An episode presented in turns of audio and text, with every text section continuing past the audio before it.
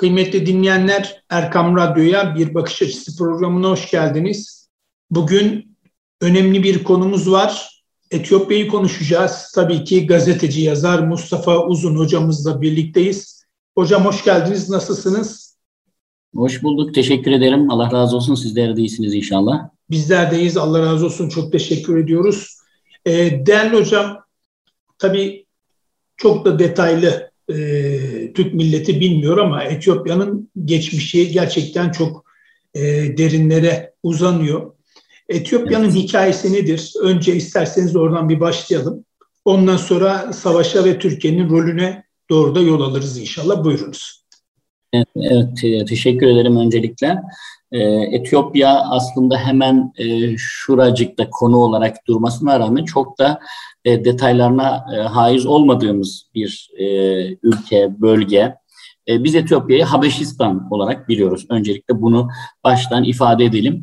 Ama çok çok ilginç bir ülke. Yani birçok ilkleri içinde barındıran hem insanlık tarihi açısından hem e, Afrika açısından hem de Müslümanlar açısından birçok ilkleri e, içinde barındıran bir ülke. Hani biz ülkenin böyle e, ansiklopedik bilgi mahiyetine, bilgilerin detaylarına geçmeden önce başlık olarak söyleyebileceğimiz detaylar var. Mesela e, Afrika, e, şey, Etiyopya için e, ilk insanın e, somut olarak en eskiye da, götürülebilen e, ilk insanlara dair kalıntıların olduğu ülke bilinen en eski insanlar Etiyopya'da biliniyor. Yani insanlığın e, merkezi denilebilecek. Tabii bu Batılıların işte ilimleri açısından bakarak değerlendirerek söylüyorum.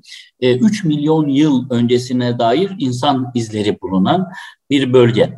Tarihin hocam en bağımsız ülkelerinden bir tanesi e, şu, hatta Afrika'nın e, tek sömürülmeyen ülkesi. Tarihin de tarih boyunca bağımsız kalabilmiş nadir ülkelerden bir tanesi. Çok ilginçtir. Bak tarih boyunca bilinen tarih boyunca bağımsız kalabilmiş nadir ülkelerden bir tanesi. Bilinen ilk e, tarihi e, işte Mısır e, firavunlarının e, Mısır'daki e, hiyografilerden anladığımız kadarıyla 5000 yıl kadar önce bahsedilen bir bölge e, Etiyopya bilinen ilk e, krallık diyelim, imparatorluk gibi e, diyebiliriz. Milattan önce 8. yüzyıl, daha sonra milattan önce 100. yüzyılda Aksum İmparatorluğu var. Fakat buradaki önemli husus, hocam e, bu bu devletler sadece 1930'larda bir birkaç yıllık İtalyan işgali hariç hiç e, işgal edilmemiş hiç sömürülmemiş bir ülke. İnanılmaz bir şey. Yani tarihin en bağımsız ülkelerinden bir tanesi derken e, nadir bir e, durum bu. Bunu mutlaka belirtmek lazım. Yine çok ilginç bir detay. Tarihte bildiğimiz e, mesela Hristiyanlığı biliriz. E, Avrupa ile özdeşleşmiştir. Fakat ilk Hristiyan ülke e, Etiyopya'dır. İlk Hristiyan ülke. E, bizim yani bizim açımızdan baktığımız zaman da tabii e, hicretin mekanıdır. Bizim Mekke'den sonra İslam'ın ikinci yurdudur e, Etiyopya. İslam'ın ikinci yurdu. Bakın Medine'de değil, Mekke'den sonra İslam'ın, Müslümanların ikinci yurdu Etiyopya. Çok bizim açımızdan e, inanılmaz e, farklı e, bir coğrafya.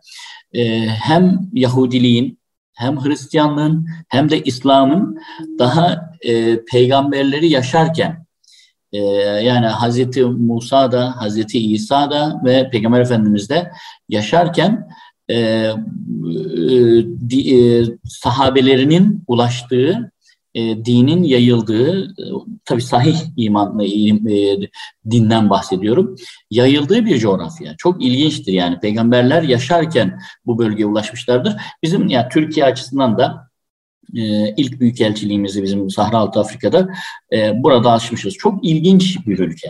Bu açıdan baktığımız zaman kendi yazı dili olan nadir medeniyetlerden bir tanesi. İnsanlık tarihinin e, dediğim gibi en e, köklü ve en eski medeniyetlerinden bir tanesi burasıdır. Hani biz biliriz işte Çin'de vardır, Orta Doğu vardır değil mi? Yani bu, bu Mısır vardır. Evet et ve Etiyopya vardır. Yani Etiyopya inanılmaz bir bölge. E, Afrika'nın en kalabalık ikinci ülkesi şu anda. E, tabii e, birinci ülke Mısır diye düşünülür. Nijerya hocam. Nijerya. Nijerya'dan sonra en kalabalık e, ikinci ülke yani 107 ila 110 milyon arası insan yaşıyor. Yani Türkiye'den çok çok daha fazla insanın e, olduğu bir e, bölge burası. E, tabii çok kalabalık, çok e, farklı etnik kimliklerin olduğu bir yer. E, 80'den fazla ırk var hocam. 80'den fazla ırk var Etiyopya'da. Hani biz de Türkiye'de diyoruz işte Türk var, Kürt var, biraz Arap var değil mi? Falan birkaç tane daha belki e, sayabiliriz. Çok daha az e, oranlarla ama Etiyopya'da e, 40'tan fazla, şey 80'den fazla ırk var. E, bunlar tabii bazıları çok yoğun. E, yani %35'ini oluşturan Oromolılar e, ülkenin büyük ağırlığını oluşturuyorlar ve çok birbirlerine bu anlamda bağlılar. Yine Amharalılar, Tigrey, e, Somalililer ve Afarlar büyük yani nüfus nüfusu oluşturan büyük ırklar diyelim. Tek şey hani ilk Hristiyan devlet fakat bu Hristiyan devlet e, batıdaki e, Avrupa'daki Hristiyanlık gibi değil. Hatta çok uzun yüzyıllar boyunca Avrupa'dan gelen Hristiyanlığı bu öğretiyi kabul etmeyen, nefret eden e, ve yok eden bir medeniyet burası. E, bir e, kitap okumuştum. E, batılı bir e, elçinin e, tüccar kimliğiyle kendini gizleyerek çünkü daha önce gelen işte cizvit papazlar gidiyorlar falan bunlar parçalıyorlar. E, kralın emriyle şehirlerin girişlerinde taşla, taşlıyorlar ve uzun yıllar boyunca 30-40 yıl boyunca cesetlerini orada teşhir ediyorlar. E, çünkü bizi yozlaştırmaya geliyor Avrupalı, Batılı e, papazlar diye müthiş bir ön yargıyla yaklaşıyorlar. Dolayısıyla e, gelen herkese hatta soruyorlar papaz var mı aranızda falan diye. Böyle bir şey şekilde bakıyorlar. Bugün bile çok keskin bazı görüşler de var. Yani Avrupa'dan gelen Hristiyanlığın gerçek Hristiyanlık olmadığına dair, gerçek Hristiyanlığın kendilerinde olduğuna dair çok farklı e, bir e, şey. Tabii az önce mesela ilk önce girişte bahsettiğimiz farklılıklardan bahsettiğimiz bölümde söylemeyi unuttum. E, Etiyopya farklı bir e, takvime de e, sahip. Yani şu anda biz 2022'deyiz. Etiyopya'da tarihler 2014 hocam. 2014'ü yaşıyorlar. Çünkü tabii hem takvim yani bir mesela bizde bir yıl 12 aydan oluşuyor. Onlarda 13 aydan oluşuyor. 12 ay 30 gün, 30'ar günden oluşuyor. 13. ay ise işte 5 ya da 6 günlük bir artık günden oluşuyor. Dolayısıyla 13 ayından oluşuyor. Uzun süreçte tarih boyunca e, bu e, e göz önünde alındığı zaman epey bir fark oluştu. Şu anda e, 7 yıl 8 ay kadar bir fark var aramızda. Şu anda Etiyopya'da biz yaşarken de onun böyle ben Etiyopya'da bir müddet yaşadım. E, onu çok ilgin bu çok ilginç e, geliyordu. E, tabii bütün işte birçok Afrika e, ülkesinin özellikle sahil bölgesinde e, ki e, saat e, farkı e, yani Batılıların e, ve bizim kullandığımız saati kullanmıyorlar. Yani bizde saatler saat gece 12'den sonra 00 başlıyor. İşte 1, 2, gece 1, gece 2, gece 3 diyoruz ya. Orada öyle değil. Gün sabah 6'da başlıyor. Yani daha çok e, e, Müslümanların eski saatlerine, eski takvimlerine uygun bir şey. Yani gün sabah 6'da başlıyor. Sabah 6 e, demek orada saat işte sabah 1 demek yani e, 7 1 demek. 8 e, 2 demek. E, bu şekilde hatta bazen böyle e, şeyler yaşıyorduk. Ben Zanzibar'da da, Tanzanya'da da bu, bunun güzelliğini diyeyim, zorluğunu demeyeyim yaşamıştım. kahvenin ülkesi hocam burası. Kahvenin ülkesi. Nüfusunun çok ilginç yüzde 25'inden daha fazlası kahveden geçiniyor. Çok fakir bir ülke. E, belli şehirleri zengin, iyi fakat çoğunluğu fakir bir ülke. E, ve bu e, nüfusun yüzde 25'inden fazlası dehşet bir şey. Yani Türkiye'yi düşünün bir, bir, bir mevzu olacak bir şeyle yüzde 25 ülkenin nüfusun nüfusun yüzde 25 geçinecek. Çok ilginç. Bu da tabii ekonominin e, sıkıntılarından bir tanesi orası için. E, Addis Ababa e, en önemli şehirleri diyelim. Afrika Birliği'nin de başkenti e, burası. Afrika'nın Afrika'nın merkezi burası. Öyle söyleyelim. E, sömürülmeyen, işgal edilmeyen e, tek yer olduğu için e, Türkiye'den büyük bir coğrafya, 1 milyon 100 bin küsür hocam 1 milyon 100 bin küsür kilometreden oluşuyor. Türkiye'den çok çok daha büyük bir ülke. 9 tane federal bölge var. 2 tane e, yine özel şehir var. Diredava ve Addis Ababa diye. E, 1100'lerden, yüzlerin başından 1900'lerin işte 30'lara kadar falan devam eden 800 yıl kadar devam eden bir imparatorluk var. Bizim daha çok tarihlerimizde de bildiğimiz işte Habeşistan Krallığı da diyebildiğimiz e, bu krallık 1930'lardan sonra tabii işgal vesaire ondan sonra da rejimi e, derken yeni yani modern zamanlara e, geliniyor. E, ama bizim bildiğimiz, İslam tarihinden bildiğimiz Habeşistan dediğimiz ve Kral Necaşi e, diye bildiğimiz Necaşi ismiyle yani e, o kralın, adil kralın ismi zannettiğimiz aslında ünvanı yani Eshame ismi isimli ilk hicretin mekanı. Müslümanlar e, Habeşistan'a, suyun öte tarafına, suyun öte tarafındaki adil hükümdarın ülkesine e, Medine'den önce gittiler. Mekke'de zulüm katılaştığı, sertleştiği, Müslümanlar çok zor durumlarda kalınca e, Ubeydullah bin Cahş hocam, Ubeydullah bin Cahş'ın tavsiyesiyle e, Eshame ile tanışması e, nedeniyle Peygamber Efendimiz'e tavsiyesiyle Hazreti Cafer'in öncülüğünde çıkan ilk işte e, kervan diyelim ilk e, muhacirler Habeşistan'a gittiler. O yani Türkiye'de çokça bilindiği için çok detaya girmeye gerek yoktur. Orada e, Kral Necaşi diyeceğim. Yani tekrar bu böyle bilindiği için söylüyorum. Yoksa oradaki kralların tamamı işte aynı ünvandalar. E, Necaşi e, ünvan e, aslında. E, Eshame hocam buradaki Müslümanlara sahip çıkıyor e, bildiğimiz üzere. Bizim e, Osmanlı tarihi açısından da çok önemli. E, 1500'lerde hocam buraya gelmişiz biz. Yani 1500'lerin ortalarında Osmanlı burada bir Habeş eyaleti kuruyor. E, buralara bize bağlandığı bir eyalet ve 300 yıldan fazla bir süre biz buraları yönetiyoruz. E, yani Habeşistan'ı değil, Habeşistan'ın bugünkü e, çünkü Habeşistan dediğimiz yer tarih boyunca e, kendi işte şeyini korumuş diyelim, bağımsızlığını korumuş olan bölge küçük bir bölge. Bugünkü Habeşistan çok çok büyük bir bölgeye e, hükmediyor. Aslında tarih boyunca buralara hükmetmiyorlardı. Buralarda çok daha büyük sultanlıklar, Harar Sultanlığı başta olmak üzere vardı.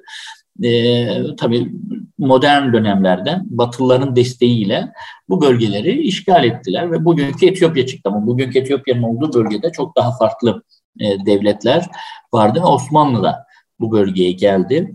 Habeş e, Hristiyan krallarıyla büyük savaşlar yapıldı. E, Müslümanlar e, burada e, Habeşlileri yani Habeş diye Habeş'in Hristiyan krallığını e, küçük bir beylik hükmüne değerlendirdiler. Yani uzun yüzyıllar boyunca Osmanlı'nın bağlı olduğu Osmanlı'nın e, hükmettiği dönemlerde burası Habeş vilayetiydi ve e, burada e, Etiyopya'nın işte bugünkü Etiyopya'nın önemli bir kısmı Eritre, Somali, e, Sudan ve Cibuti vardı. Osmanlı'nın Habeş eyaletinin e, sınırları buralardı. E, ve biz burayı 300 yıldan fazla e, yönetmiş olduk. E, hocam burada e, hani 200 civarında dil konuşuluyor. Çok çok büyük bir coğrafya konuştuğumuz yani 1 milyon 100 binden fazla e, 100 bin kilometreden fazla olan bir e, coğrafyadan bahsediyoruz. E, 200'den fazla o civarda e, dil konuşuluyor ama tabii e, Amharca, e, Oromo dili, e, Tigrey, Somalice e, gibi diller öncelikli. Amharca, Amharalılar ülkenin e, önemli e, bir nüfusunu oluşturuyor ama asıl büyük nüfusu Oromonlar oluşturuyorlar. Fakat Amhara daha etkin. Bu tarihten e, gelen o e, Habeş krallarının e, Amharalı olmasından e, kaynaklanan bir e, süreç. Amhara dili de o yüzden kültürel anlamda da, dini anlamda da, dil anlamında da daha öncelikli. E, Etiyopya'nın ismi biz Etiyopya olarak biliyoruz. Tabii daha sonra değişti. Habeşistan'da uzun yüzyıllar boyunca, 1100'lerden beri e, işte 800-900 yıl boyunca Habeşistan olarak biliniyordu. E, daha sonra modern zamanlarda Etiyopya Federal Cumhuriyeti olarak e, değiştirdiler. Şimdi resmi rakamlara göre yüzde kırkı Müslüman, yüzde kırkı işte Ortodoks Hristiyan, yüzde e, on yedisiydi herhalde Protestan e, Hristiyan ve yüzde üçü de diğerleri falan diye söyleniyor ama hocam Afrika'da ben birçok bölgede Afrika'nın yaşadım da gittim de hemen tamamına gittim. Her yerde bu keskinlikle bunu yapmışlar. Müslüman nüfusunu az gösteriyorlar hocam. Tanzanya'da işte aynı yüzde otuz, yüzde otuz, yüzde otuz diye ifade ediliyor. Yerel diller, e, Müslüman ve Hristiyanlık ama Müslümanlar yani orada 2-3 yıl kadar yaşadım. E, kesinlikle yüzde altmıştan aşağı değil e, diyorlar ve gittiğimiz gördüğümüz yerlerde bu şekilde nüfus olarak Etiyopya'da da aynı şekilde hocam. Yani Etiyopya'ya yüzde 40 Müslüman diyorlar ama en az yüzde 60 e, hatta yani Müslümanların e, kendi ifadelerine göre yüzde sekseni Müslüman diyorlar. Böyle bir, bir gariplik var tabii. Peki hala özellikle... bu nüfusu devlet e, kendi lehine çeviremez mi? Yani sistemsel olarak hani internette yüzde otuz gözüküyorsa bunu değiştiremezler mi? Devlet dediğiniz devlet Hristiyan zaten devlet yapıyor bunu. Yani yüz yıldır e, Hristiyan e, yönetimin olduğu, eğitimin, e, dış politikanın, e, ordunun Hristiyan olduğu bir şeyden bahs bir yerden bahsediyoruz. Yani Müslümanlar e, küçük yani nüfusunu e, daha az gösteren zaten bu sistemin kendisi hocam. Yani kilise merkezli bir eğitimden ve yönetimden e, bahsediyoruz. Dolayısıyla e, Müslümanları daha az Burada gösterme. Müslümanların siyasi gücü nedir? Yani bu sistemi değiştirme noktasında. Şöyle hocam, e, yani Etiyopya dağılırsa birkaç tane Müslüman devlet ortaya çıkacak. Yani Afar, Somali gibi. E, ama şu durumda e, kendi eyaletlerinde ki durumlarını korusalar yeterli herhalde şu an için. Ya yani bu savaş işte belki ilerleyen gerçi epey oldu. E, bölümde de işleriz herhalde. Bu savaş e, aslında e, kilisenin belini kıran bir savaştı. Yani hangi insanların ölmesini, acının devam etmesini istemeyiz. Kim nere, neresi olursa olsa mazluma dini sorulmaz hocam. Oradaki büyük katliamlar oldu ve oluyor. Bu bu bundan ayrı tutarak en azından bu çatışma e, siyasi zeminde devam etmesi Müslümanlar açısından faydalı olabilirdi hocam. Olabilir yani şu an hala devam ediyor. E, Müslümanlar e, kendi e, ne diyelim e, Hristiyanlar e, kendi dertleriyle meşgulken Müslümanlar orada kendi birliklerini, düzenlerini, ekonomilerini ve siyasal işte güçlerini temin edebilirler. Ben burada bir avantajlı durum olarak görüyorum. Çünkü e, yani Habeşistan'da, Etiyopya'da Hristiyanlar ne zaman e, kendi aralarındaki e, çatışmaları bıraktıysalar Müslümanlarla uğraşmışlar hocam. E, tarih boyunca çok çok fazla büyük acılar yaşatmışlar. Şimdi e, Tigray meselesiyle beraber Hristiyanlar e, birbirlerine düşmüşken biraz Müslümanlar herhalde rahat nefes alacaklar. Aslında e, Etiyopya'da savaş bitmiyor hocam. Yani e, Etiyopya e, işte e, imparatorluğun bitmesi sonrası işte İtalyan işgali akabinde işte Derg rejimi vesaire bu savaşlar e, sürerken Eritre ile e, uzun çok uzun süren 20-30 yıl herhalde sürdü. Uzun bir savaşa e, girmişlerdi. Bu arada Oge'den e, savaşı Somali ile bir savaş yaşadılar. E, hatta 90'lardan sonra bir daha bir Eritre ile yine bir iki yıl süren bir savaş yaşamışlardı. Tekrar toparlandılar, biraz daha durdu. Şimdi bu bir buçuk yıl, iki yıl olmadı herhalde. Ee, yok yok bir buçuk yıl oldu. Ee, bu defa yine Tigre'yle çok çok ağır bir savaş yaşandı yani hocam. Ve bu son bir yıl, bir buçuk yıl içerisinde oldu. İnanılmaz e, bir e, insani felaket de ortaya çıkmış oldu. Bu savaşla alakalı detaylara isterseniz gireriz ama ben bir iki not daha almışım. Ee, evet. Onları da isterseniz şey yapayım. Yani Harar, Tabii. Hocam bir araya gidelim inşallah aradan sonra hiç e, şey yapmadan e, engellemeden, bozmadan devam ederiz. E, sevgili dinleyicilerimiz kısa bir aradan sonra programımıza kaldığımız yerden devam edeceğiz. Sevgili dinleyicilerimiz Erkam Radyo'ya, Gönül, Gönül Bahçemize hoş geldiniz. Ee, ilk bölümde Etiyopya'daki e, savaş öncesi hikayeyi, tarihsel süreci Mustafa Uzun kardeşimizden, hocamızdan, gazeteci yazar e, hocamızdan dinledik. Şimdi kaldığımız yerden devam ediyoruz. Hocam e, tabii araya girmeden önce bir savaşın hemen ucundan bir şeyler arz etmiştiniz. E, buyurunuz kaldığımız yerden devam edelim. Neden savaş oluyor? Amaç nedir? Sonra da Türkiye'nin rolüne geçebiliriz. Buyurunuz. Olur inşallah hocam. Sadece son bölümde e, Harar'a şöyle bir dokunduk. E, onu bitirerek isterseniz savaşa tabii, geçelim. Tabii, Çünkü Harar çok önemli. Hocam şöyle söyleyeyim ben Harar'da bir süre yaşadım. E, bir yıl kadar yaşadım. E, yani Harar şehrini size anlatayım. Nasıl farklı bir şehir, farklı bir kültür. Şimdi Türkiye'nin herhangi bir bölgesinde, neresi olursa olsun hocam, sokağa çıktığınız zaman e, Harar'da gördüğünüz tabloyla karşılaşmazsınız hocam. Harar'da sokağa çıkıyorsunuz, Diyelim ki birkaç saat bir yere gidiyorsunuz, işinizi hallediyorsunuz, geliyorsunuz. Hocam en az 20-30 tane Türk bayrağını görürsünüz hocam. Ee, arabalarda, hmm, oranın işte neyse minibüs diyeyim, yolcu taşıma küçük e, araçlarında, e, insanların evlerinde, e, bir bakanın bakanın makam arabasının içerisinde Osmanlı e, kayı işareti, e, ve Türk bayrağı. Hocam abartmıyorum. Bir, bir iki saatlik bir böyle rastgele bir gidiş gelişinizde evden çıkıp gidip gelene kadar 20-30 tane bu tür e, bayraklarla ya da sembollerle karşılaşırsınız. Minibüsün kenarında bir tarafında Diriliş Ertuğrul, diğer tarafta işte Kuruluş Osman Türkçe yazılı metinlerle karşılaşırsınız. Her yerde hocam, istisnasız her yerde bütün o atmosferde e, işte e, Türkçe şarkıları e, minibüs şoförleri son ses açarak ara sokaklardan gider. E, böyle ya sizinle tanışan birçok kişi kesinlikle bir Türk damarı bulmaya çalışır. Ya benim dedem de Türktü vesaire. Bu tabii şundan kaynaklanıyor hocam. Harar Sultanlığı var tarihte. Çok önemli. Uzun süre bölgeyi yönetmiş, idare etmiş ve Hristiyan krallıklara, krallara karşı cihad etmiş bir topluluk. İlmin merkezi hocam. İnanılmaz bir coğrafya. E, ve bu e, yüzyıllar süren e, bu e, süreçte Osmanlı'yla da sıkı ilişkiler kurmuş. Osmanlı'dan yardım almış.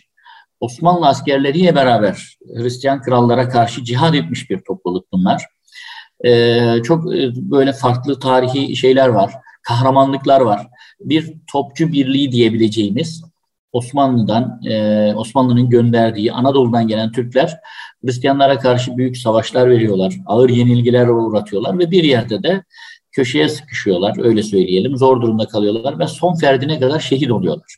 İnanılmaz anlatıyorlar. Yani çok çok böyle e, ağıtlarla e, anlatıyorlar. Anadolu'dan gelip burada da şehit olan. 6000 küsür kilometre uzakta hocam Anadolu'dan bu coğrafya. Harar e, tarihi boyunca da e, Anadolu'yla e, ve Türklerle çok sıkı ilişkileri olmuş, sevmiş e, bir bölge. E, Türkiye'den dediğiniz zaman tabii bütün e, akan sular duruyor.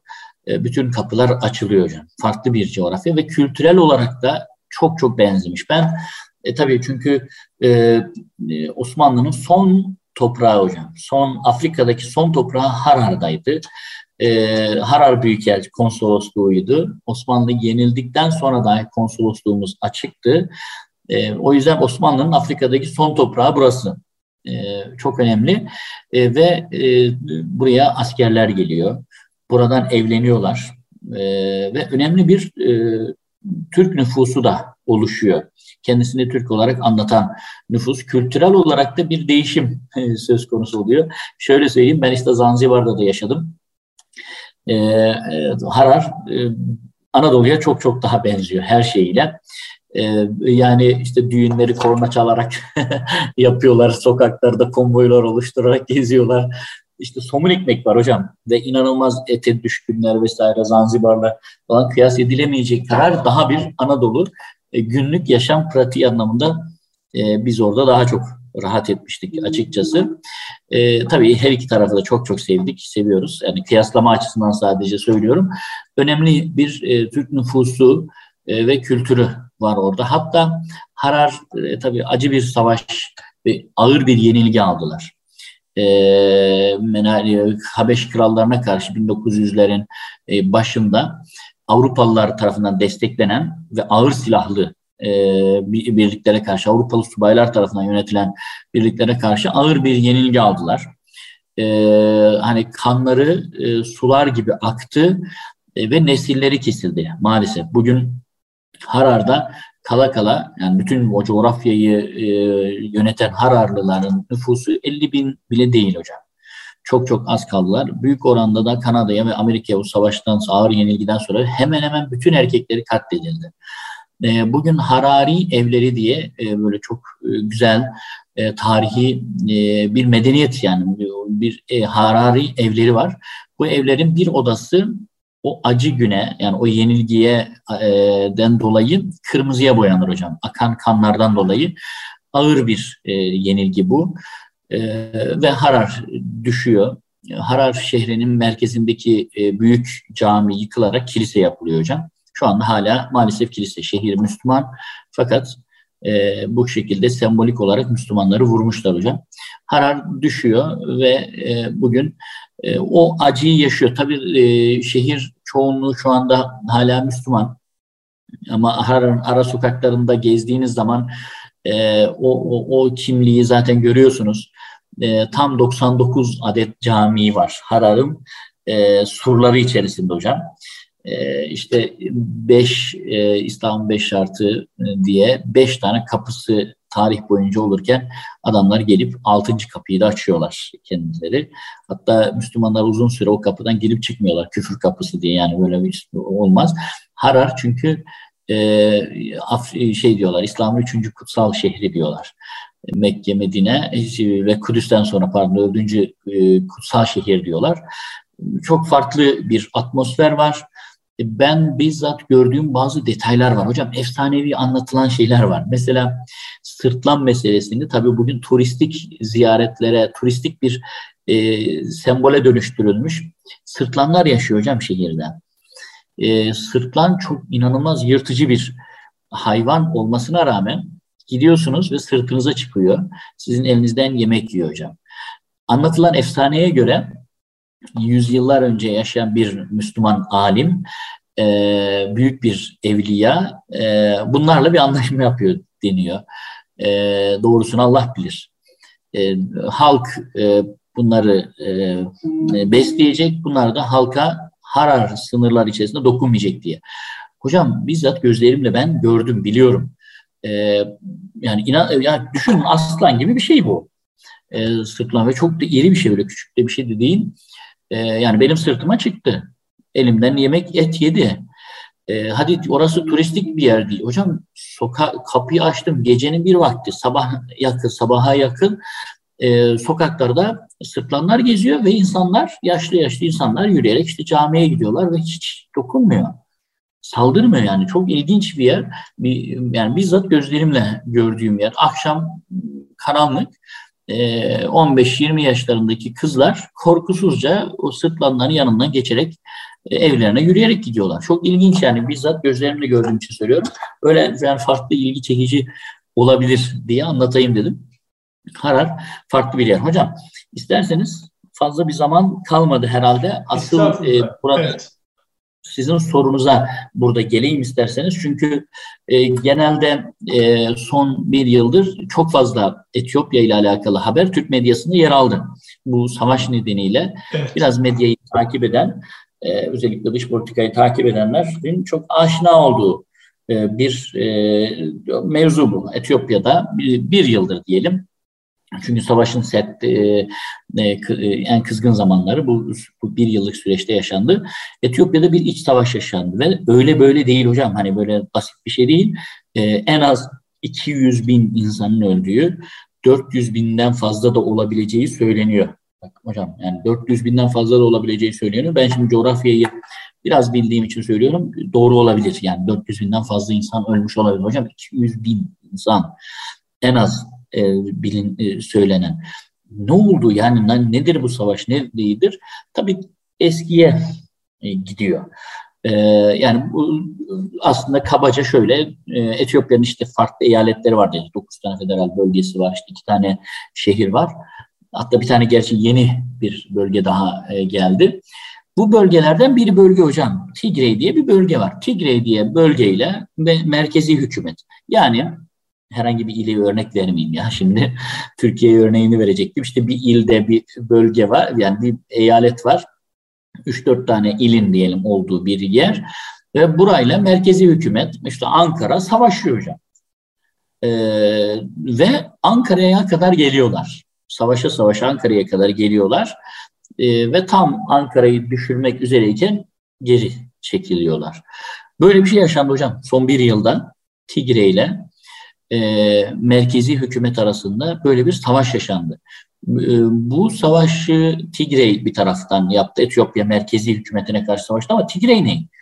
Yani Tigray e, dediğimiz bölge nedir, nasıl bir yerdir? Hocam küçük bir bölge aslında. Nüfusu çok e, hani genel nüfusu oranla yüzde altı.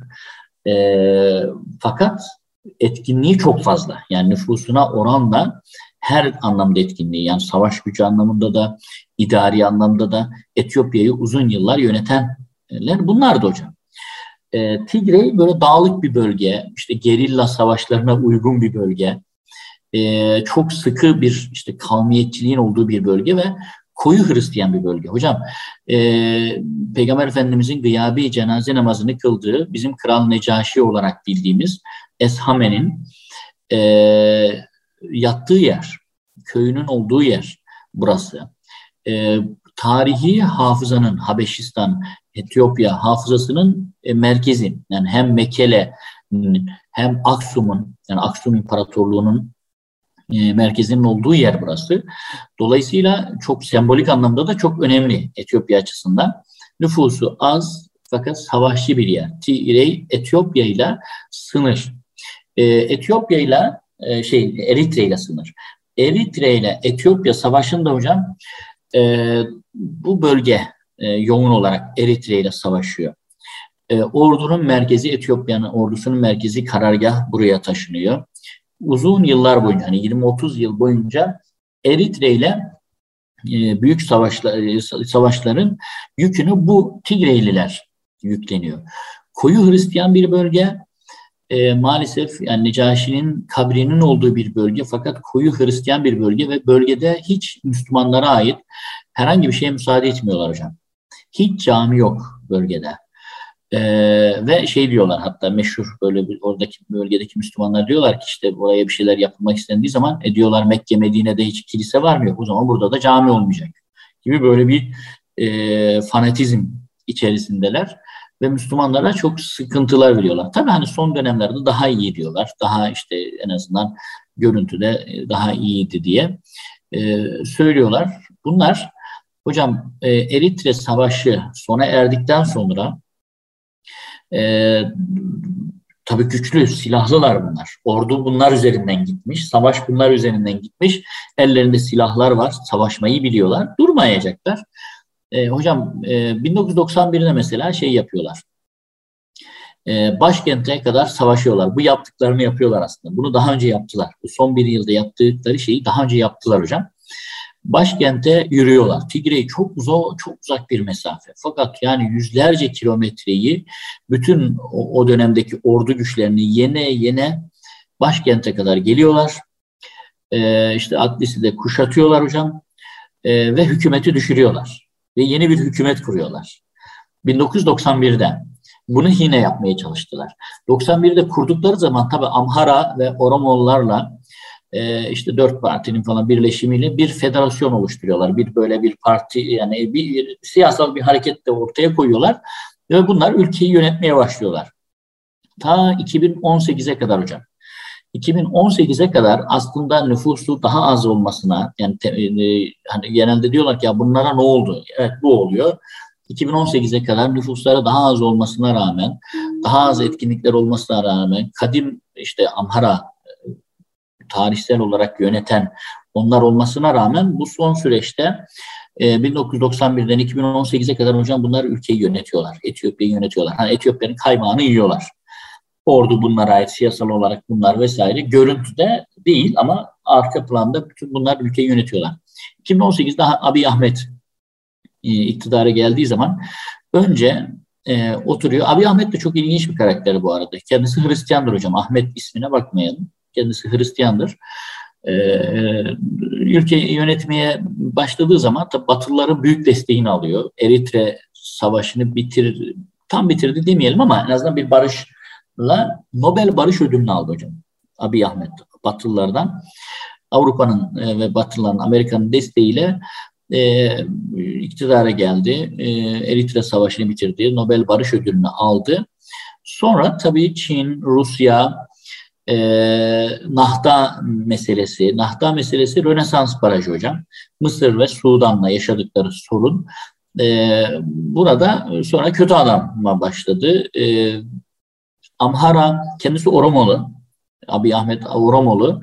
E, bir müddet sonrasında önce Oromolarla e, şey Amharalılarla e, uğraşmaya başladı diyelim. Yani ya ben bunu hani daha böyle şey yaparak anlatmaya çalışıyorum. E, neler olduğunu yoksa çok detaydır e, içeride daha daha detaylar, daha büyük mevzular dönmüştür. Fakat hocam Amhara e, Etiyopya'nın Genelkurmay Başkanı'nı e, Amharalı e, öldürdüler. Kafasından vurarak öldürdüler. E, orada bir şeyler döndü. Amhara'yı bastırdı, Oromolılar bastırdı ve sonra Tigray hocam. Tigraylilerin e, üst düzey e, yetkililerini görevden aldı, işte bastırdı. Eritre ile zaten e, barış imzalaması e, kan davalısı olan Tigraylileri zaten hani büyük şey yaptı. Çünkü tarih boyunca yani 20-30 yıldır savaştılar. Büyük acılar yaşadılar bunlar. E, Eritre'deki katliamların sorumlusu Tigreyliler. Oradaki tecavüzlerin sorumlusu Tigreyliler e, ve bir kan davası oluşmuş.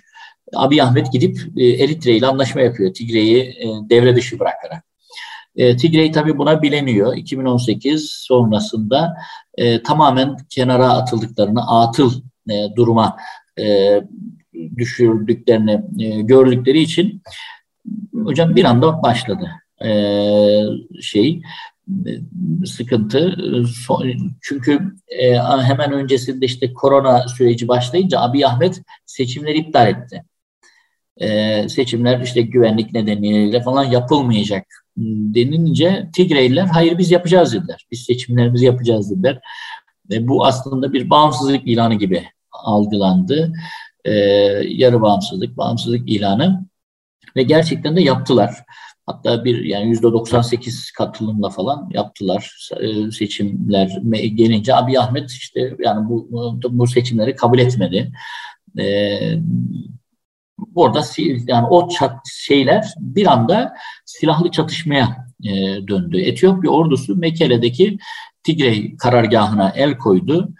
E, ilk adımda hemen Mekele'yi başkent yani Tigray'in başkenti hocam Mekele'yi ele geçirdiler. Etiyopya ordusu e, ve köylere saldırdılar. E, şimdi o süreçte ben tam o süreçte Etiyopya'daydım. İşte sosyal medyada vesaire e, Etiyopya Tigre'ye e, ulaşan Eritre vesaire diğer yolları kestiler hocam. Ee, hani gıdanın ulaşmasını engellediler. İnsani bir kriz ortaya çıktı. Hatta internet vesaire her şey kapandı e, Tigre'de. Bizim komşunun çocuğu orada e, okuyordu, üniversite okuyordu. Haber alınamadı hocam. Ee, yani aylarca hiç haber alınamadı. Her şey kapatıldı. Ee, tamamen hani dünyaya kapatıldı Tigray bölgesi. Tigrayliler bu arada tabii ulaştırıyorlar. Ee, özellikle Batı'nın desteğini almaya başladılar. Ee, ve savaş başladı. Çok ağır bir savaş e, yapıldı. Ee, işte savaşa, katliama dur, tecavüz olayları çok yüksek oldu. Ee, Eritre ordusu hocam Abiy Ahmet Eritre ordusundan yardım istedi. Eritre ordusu girdi. Eritreli askerler Tigre'ye girdiler. Yani ta, e, uzun süre savaşan Etiyopya ile Eritre e, bu defa Tigre'ye karşı beraber savaştılar. Eritre ordusu çok büyük katliamlar bölgede yapıyor. Çünkü geç, eskiden kalan bir kan davası da var. E, o süreçte işte 200 binden fazla insan katlediliyor. E, Tigray e, tabii savaşçı bir topluluk. Uzun yıllar boyunca savaşmış. E, ve e, bir aradalar, bir kavim, bir ırk, e, müthiş bir motivasyon var. E, Etiyopya ordusu ise dağınık. Yani Amharallar var, Oromolar var, şurası var, burası var vesaire. Böyle çok karışık bir yer. Hatta işte Harar'dan her eyaletten dediler asker gelecek falan. Mekeli'ye Harar'dan asker kalkıyor hocam. Asker gönderiyorlar. 200 tane silahlı adamlar. Uçak iniyor. Tigre'yi ordusu, Tigre'yi Halk Kurtuluş Ordusu karşılıyor bunları. Bütün silahlarını falan alıyor, geri gönderiyor. Savaşın ilk dönemleri daha böyle çok kan şeyleri yoktur. Ee, Etiyopya ordusu daha fazla görünüyor. Daha fazla askeri var görünüyor. Daha fazla işte silahı, uçağı falan var görünüyor. Fakat motivasyon yoktur ve inanılmaz dağınıklar. İlk şeyi atlattıktan sonra hocam e, Tigray ordusu duruma hakim oldu. Önce işte köyleri, küçük şehirleri kurtardılar. E, sonra Tig, e, e, Mekele başkentlerini, Mekele'yi hocam kurtardılar e, Abi Ahmet işte bir açıklama yapmak istiyor. İnsani durumlardan dolayı Mekele'yi boşalttık falan dedi ama yani yenildiler. Ve ondan sonra hocam Tigray ordusu yürümeye başladı. Yüzlerce kilometre bütün şehirleri ala ala ala ala başkente kadar geldiler. Yani inanılmaz bir savaş verdiler. Az önceki örneği tekrar yani isim vermeden işte bir bölge diyeyim. Türkiye'deki bir A şehirleri, A ve B şehri bir araya gelip Ankara'ya kadar yürüyorlar. Bütün şehirleri ala ala yani yüzlerce kilometre. E, büyük bir yürüyüş, büyük bir askeri yürüyüş. Mekele'den uzaktasınız. Her şeyden, ikmal yolları, her şeyden uzaktasınız. Bu inanılmaz bir motivasyon. Daha önce yaptılar. 91'de yaptılar. Bu defa da yapacaklardı. Başka bir şey devreye girdi hocam. Hani bu defa yapamadılar. Başkenti düşüremediler. E, devreye Türkiye girdi hocam. Çok ilginçtir. Türkiye devreye evet, girdi. Evet. Çok ilginç hocam. Buradan belki de o Türkiye etkisine geçebiliriz ama ben en son Addis Ababa'dan, hocam tam Addis'e çok az bir yer kaldı. Addis boşaltıldı hocam. Bütün Türkler e, çıktılar. E, Büyükelçiliği dahi boşalttık biz hocam. Her şeyi boşalttık. Yani bütün Türk e, per, e, kurumlar, iş adamları, herkes, bütün aileler, cemaatler her şey ayrıldı. Ben Addis'te en son böyle e, sokaklarda e, kum torbalarıyla siperler yapılmıştı falan. Onu gördüm. E, hocam e, savaş devam ederken yani e, Tigray ordusu yürürken medyada bazı haberler çıktı. İşte Türk, e, Abiy Ahmet e, Türkiye'den drone istiyor diye. E, kendi şeylerini kullanamıyorlar. Drone istiyor diye haberler çıktı. Tabii biz Büyükelçiliğimiz ilk etapta yalanladı. Böyle bir şey yoktur diye. Akabinde e, bir süre sonra bir telefon görüşmesi yapıldı. Resmi olarak açıklandı. Tayyip Bey de yani e, iletişim başkanlığı da bunu açıkladı. Ahmet Ahmet'le bir telefon görüşmesi yapıldı diye. E, sonra bunlar böyle hemen bir hafta bir hafta bir hafta falan oluyor bu arada. Bir hafta sonra bir hafta sonra falan şeklinde anlattığım olaylar. Sonra e, oradaki FETÖ okulları birer birer yıllardır devam eden davalarda alam, alamıyorduk. Birer birer Türkiye'ye devredilmeye başlandı e, bir anda. E, önce bir okul sonra üç okul falan. E, akabinde Abiy Ahmet Ankara'ya geldi. Sonra Etiyopya dönüşünden sonra Abiy Ahmet hocam görevlerini yardımcısına devrederek cepheye, cepheye gitti. Sembolik bir şeydi bu. Bu, çünkü Etiyopya ordusunun en büyük şeyi motivasyon eksikliğiydi. E, bu onlara büyük bir motivasyon da kazandırdı. Abi Ahmet'in bizzat kendisinin cepheye gitmesi ve hocam dronlar devreye girdi e, ve Tigray ağır kayıplar verdi. Ağır kayıplar verdi. Şehri alamayacaklarını, başkenti düşüremeyeceklerini e, anladılar. Türkiye'ye karşı epey bir suçlamalar yapıldı tabii bu süreçte. İşte burada bir katliama e, destek vermiş oldunuz vesaire. E, aslında Türkiye oradaki e, resmi devlet ve bütün dünyanın tanıdığı devlet otoritesiyle e, bir anlaşma yaptı muhtemelen muhtemeldir. E, ve Tigreyler hocam e, geri çekilmek zorunda kaldılar. E, yenildiler. E, tabii güçlerini kaybetmediler ama bir anlaşmayla e, geri çekildiler. E, şu anda e, Tigre'ye döndüler e, büyük oranda. E, e, şey önce bir geçici ateşkes ilan etti Etiyopya devleti. Şimdi de geçenlerde de e, kalıcı bir ateşkes ilan etmiş oldu. Aslında biz e, bu savaşla beraber dronlarımızla beraber herhalde üç tane ülkenin gidişatına etki, engelem, e, etki etmiş olduk hocam. Yani Azerbaycan, şimdi Ukrayna ve öncesinde Etiyopya. Durum budur hocam. Tekrar bizim Büyükelçiliğimiz ve diğer bütün kurumlarımız e, Etiyopya'ya döndüler. Elhamdülillah diyelim. Son durum budur hocam. Evet değerli hocam gerçekten e, çok güzel bir tarihsel süreci de bizimle paylaşmış oldunuz. Hem de son durumu da bir gazeteci olarak sizin gözünüzden de görmüş olduk. Allah razı olsun. Çok teşekkür ediyoruz. İnşallah e, başka bir zaman diliminde başka bir İnşallah. Afrika ülkesini tekrar değerlendiririz. Hocam Allah razı olsun. Kıymetli hocamıza çok teşekkür ediyoruz bize vakit ayırdıkları için. Çok teşekkür ederim hocam. Allah razı olsun. Çok Allah razı olsun. Çok teşekkür ediyorum.